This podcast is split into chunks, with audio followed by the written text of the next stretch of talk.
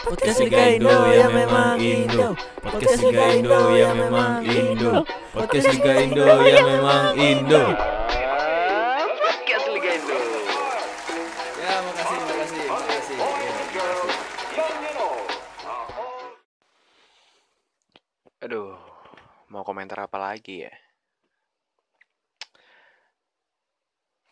Buat kalian yang eh, semalam lihat timnas Indonesia melawan Thailand, ada yang merasa kecewa atau ada yang langsung ganti channel TV? Aku termasuk yang nonton di menit 90 jadi di akhir laga aku lihat skor dan tahu skornya 3-0, 0-3 untuk kekalahan Indonesia. Aku langsung matiin TV, menghibur diri lagi. Gimana ya? Nanti kita bahas di podcast Liga Indo, oke?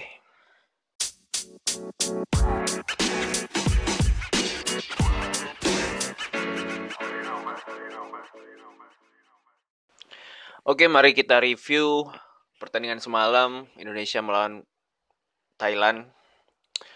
Eh, meskipun aku termasuk orang yang nggak nonton pertandingan semalam, nggak nonton full ya, karena ya udah bisa ditebak pasti bakal kalah dan kalahnya kalah telak juga 3-0. 0-3 ya, oke. Aku mengamati pertandingan melalui streaming barusan tadi pagi.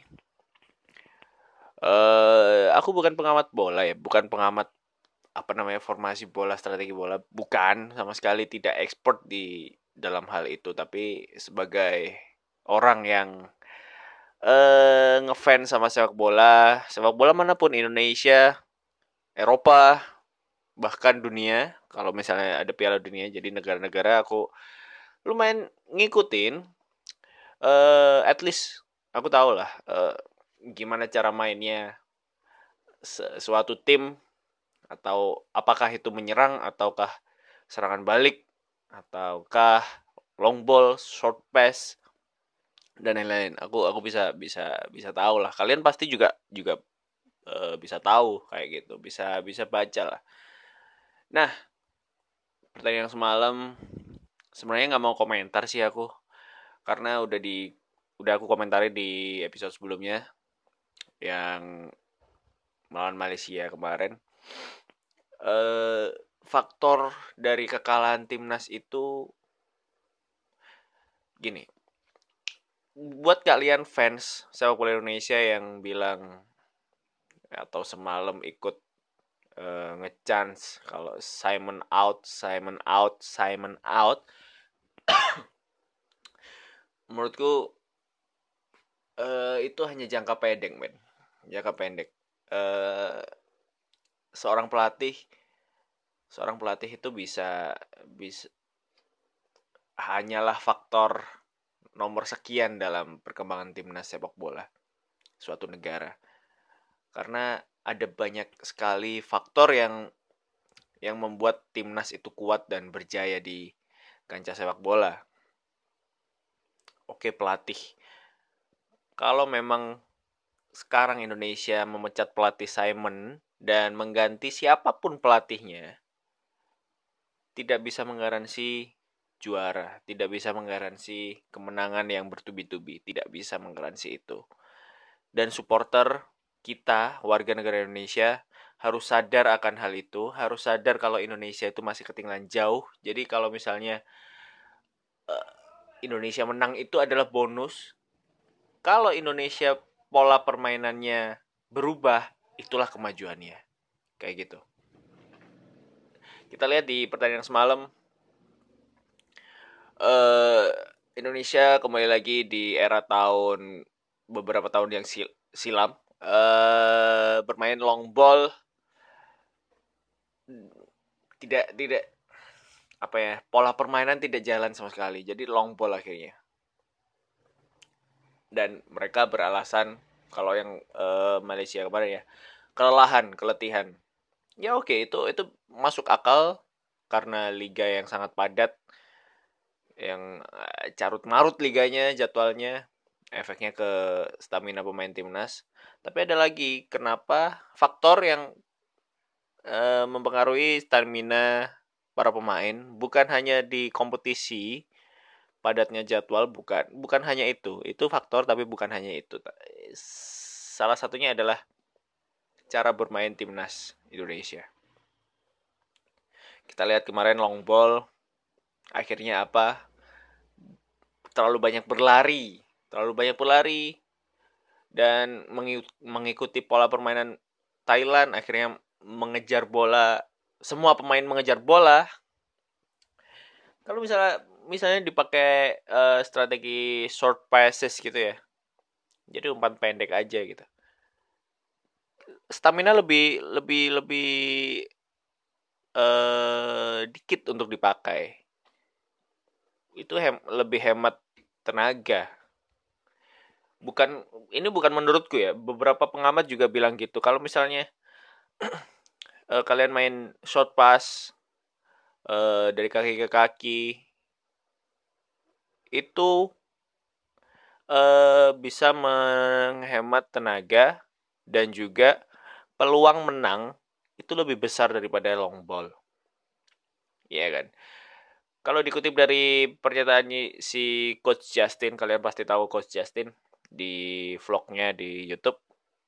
Dia bilang kalau misalnya short pass, pakai short pass, at least pemain pemain lawan itu akan e, bergerak untuk menutup itu. Akhirnya ada ruang kosong di depan kiper atau di ya di garis pertahanan lawan. Akhirnya bisa di dimaksimalkan oleh pemain sayap atau e, wingback dari timnas.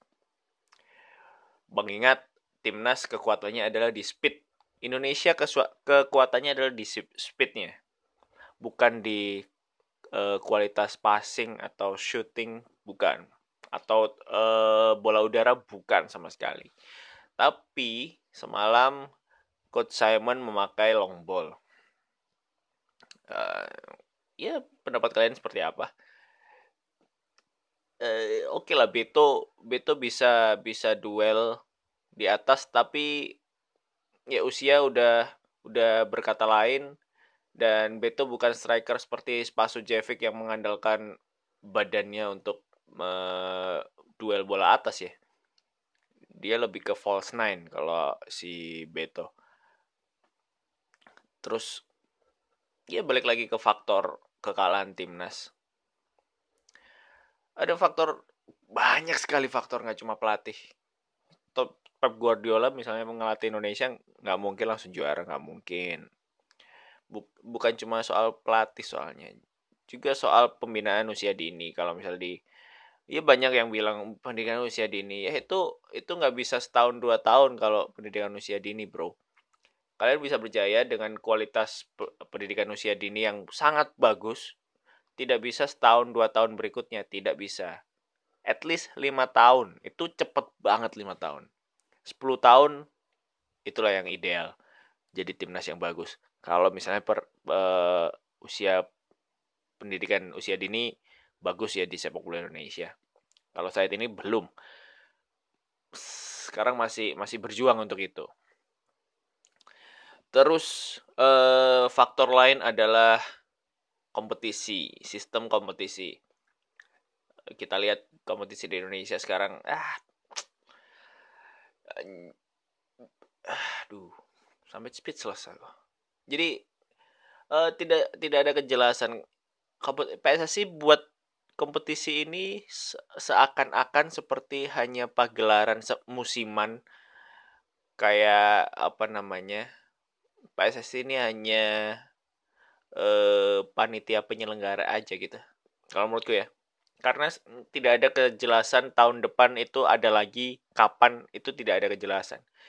Harusnya kan eh, jadwal itu udah udah ini ya udah strict gitu ya apa namanya udah baku jadwal udah tetap jadwalnya eh, bulan ini mulai tanggal ini tanggal ini tanggal ini main. Dan ada kalau ada timnas harus jeda sekian. Harusnya ada itu. Tapi kita lihat di ya timnas kemarin banyak banget pemain yang masih dipanggil. Timnya dipinjam oleh timnya klubnya untuk bermain di Liga 1 sedangkan timnas mau main. Itu nggak masuk akal menurutku nggak masuk akal kalian kalian sama sekali nggak bisa lihat Lili Pali on form di timnas. Ya gara-gara itu bisa. Dan Lili Pali tidak form di timnas juga gara-gara strategi. Long ball ngapain? Lili Pali dikasih long ball. Long ball nggak efektif sama sekali. Dari back atau dari gelandang bertahan langsung ke Beto Lili Pali buat apa di situ ya kan? Ya, itu logikanya lah. Terus uh, ada faktor lain juga uh, seperti faktor internal timnas kita nggak bisa ngejudge seperti kata coach uh, Justin juga ya. Kita nggak bisa ngejudge apa yang terjadi di timnas di internal timnas seperti uh, cara pendekatannya coach Simon ke anak-anak timnas pemain timnas senior gimana caranya pendekatannya bagus apa enggak terus cara motivasi memotivasi para pemain bisa apa enggak sih Simon? Atau cuma bisa taktik? Taktik pun cuma pakai long ball. Itu itu kita nggak bisa ngejat karena kita nggak tahu sebenarnya seperti apa di di di dressing room ya. Di di locker room kayak apa kita nggak tahu. Cara motivasinya seperti apa kita nggak tahu. Yang jelas dia bully. Ya Anda tahu sendiri. Eh uh, ya, men terus ada faktor lagi satu adalah patriotisme banyak kemarin uh, pengamat sepak bola atau pemain pemain timnas ya mantan pemain timnas yang menyayangkan banyaknya naturalisasi di kubu timnas Indonesia bagus, skill bagus, mental bagus, tapi satu yang dipertanyakan adalah patriotismenya, cinta Indonesia-nya. Apakah secinta itu atau tidak? Itu itu sangat berpengaruh dalam permainan permainan sepak bola di timnas ya. Kalau menurutku sih berpengaruh banget karena eh, semangat itu harus dilandasi oleh motivasi cinta tanah cinta tanah air ya kalau di bela timnas iya dong iya har harusnya gitu jadi ya di samping kemarin kekalahan oleh Thailand adalah kekalahan level. Thailand levelnya lebih jauh lebih lebih tinggi dari permainan Indonesia.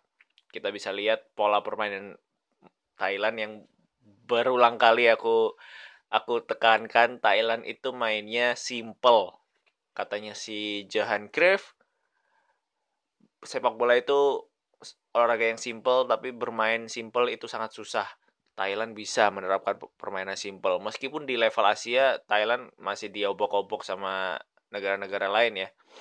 Tapi di level Asia Tenggara man gila. Mereka bisa simple banget mainnya sampai akhir laga tidak ada pemain yang kelelahan tidak ada karena mainnya gitu mainnya ya kalau ada yang kosong umpan kalau ada yang kosong umpan nggak perlu uh, kalian apa namanya uh, menggiring bola sampai show skill wah ngapain men nggak perlu ya gitulah Thailand bagusnya Thailand gitu dan semalam aku aku lihat supporter cuma tujuh ribu dengan kapasitas gelar Bung Karno yang seperti itu hanya diisi 7000 orang ya. Huh. Sesedih ini ya kita supporter Indonesia. Ada dua rekor yang terpecahkan dari dua pertandingan awal Indonesia di kualifikasi Piala Dunia 2022. Yang pertama adalah itu pertama kalinya Malaysia menang di kandangnya Indonesia. Dan yang kedua adalah pertama kalinya Thailand menang di Indonesia dalam 15 tahun terakhir. Wow. Seburuk itukah Indonesia saat ini? Wow. Harusnya PSSI harusnya PSSI bisa lihat ini. Bukan bisa lihat, harusnya lihat. Harusnya lihat gimana. Kalau kalau misalnya di kalian lihat di IG-nya PSSI, official PSSI selalu ya tetap semangat tetap semangat pantang menyerah Anjing, pantang menyerap. Orang habis ini lawan Uni Emirat Arab di sana, di Uni Emirat Arab. Belum lagi lawan Vietnam. Nanti lawan Malaysia lagi di Bukit Jalil. Nanti lawan Thailand di Thailand. Aduh, bisa-bisa. Aduh, bisa-bisa nanti semua pertandingan di grup ini Indonesia melawan menelan kekalahan bisa loh bisa jadi loh karena e, kalau misalnya nggak ada perubahan sih bisa jadi bisa jadi kalah terus dan itu sangat memalukan untuk bangsa sebesar Indonesia ya bangsa se kalian kalian sadar nggak sih negara kita ini besar banget dengan potensi sepak bola yang sangat besar sekali melebihi Singapura Singapura, sorry. Melebihi Thailand bahkan. Melebihi Asia Tenggara, Indonesia paling bagus potensinya. Pelatih-pelatih luar negeri bilang gitu. Luis Milla bilang bilang gitu. Jose Mourinho bilang gitu. Waktu Chelsea main di Indonesia waktu itu ya. Potensinya sangat bagus. Tapi sekali lagi pendidikan usia dini tentang sepak bola, sistem uh, liga, wasit, sistem PSSI-nya, FA-nya ya, itu masih carut marut. Jadi harusnya yang mencapai potensi tertinggi seorang pemain itu terhambat oleh faktor-faktor itu. Itu yang membuat Indonesia sepak bolanya nggak maju-maju seperti itu.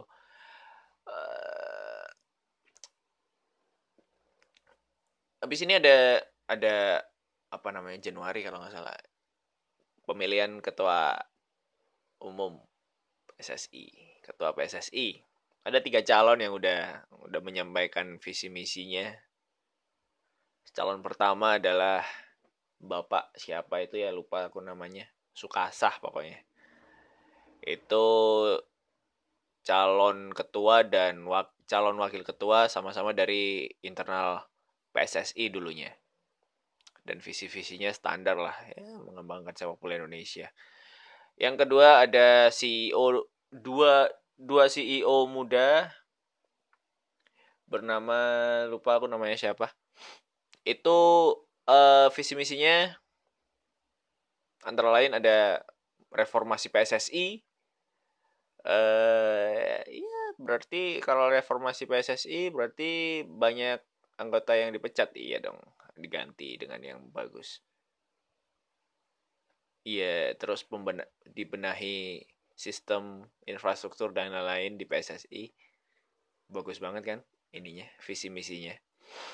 Lalu yang ketiga ada uh, polisi yang kita udah pernah bahas. Uh, Iriawan kalau nggak salah ya. Dia juga bagus. Dia visinya Indonesia 2026 akan tampil di Piala Dunia dengan menghapus naturalisasi. Kalau menurutku pribadi yang akan menang nomor satu, kenapa? Bukan aku karena dukung yang nomor satu eh, internal PSSI tadi, bukan, bukan karena itu. Aku dukung nomor dua, karena reformasi PSSI itu penting. Tapi sistem yang ada di PSSI, voters yang milih itu internal PSSI, orang-orang PSSI. Bukan kita sebagai warga negara Indonesia. Bukan. Jadi eh, bisa dibilang udah menang selangkah lah ini yang nom pasangan nomor satu. Karena internal PSSI juga, teman-temannya juga. Kalau yang nomor dua, dengan visi sebagus itu, peluang menjadi ketua PSSI sangat kecil karena dia visinya reformasi reformasi PSSI yang berarti banyak memecat anggota PSSI yang berarti dia akan memecat yang milih dia nanti. Iya kan? Jadi sistemnya masih gitu. Jadi voters adalah uh, orang-orang internal PSSI dari se seluruh provinsi ya, PSSI provinsi seperti itu. Ya mudah-mudahan aja yang terbaik buat timnas, buat Indonesia, sepak bola Indonesia kalau dalam dalam jangka waktu yang pendek kita bisa pesimis, bisa pesimis, boleh pesimis, karena itu wajar, karena ya. Tapi kalau jangka jangka waktu yang panjang kita harus optimis karena kita lihat nanti ketua PSSI yang baru bisa meng, memajukan sepak bola Indonesia atau tidak. Kita lihat nanti. Jadi itu aja lah. Jadi buat review pertandingan Indonesia melawan Thailand semalam, aku nggak bisa komentar banyak-banyak karena Indonesia nggak bisa sepak bolanya nggak bisa dirubah kalau kalau sekedar merubah mengganti pelatih atau mengganti pemain. Tidak bisa. Keseluruhan harus dirubah. Dari sistem dari wah faktor-faktor macam-macam. Liga dan lain-lain. Panjang. Pokoknya kalau mau Indonesia maju sepak bolanya harus reformasi PSSI harus. Ya gitu aja lah podcast Liga Indo kali ini di episode ke 11 jadi tungguin episode selanjutnya oke okay? dadah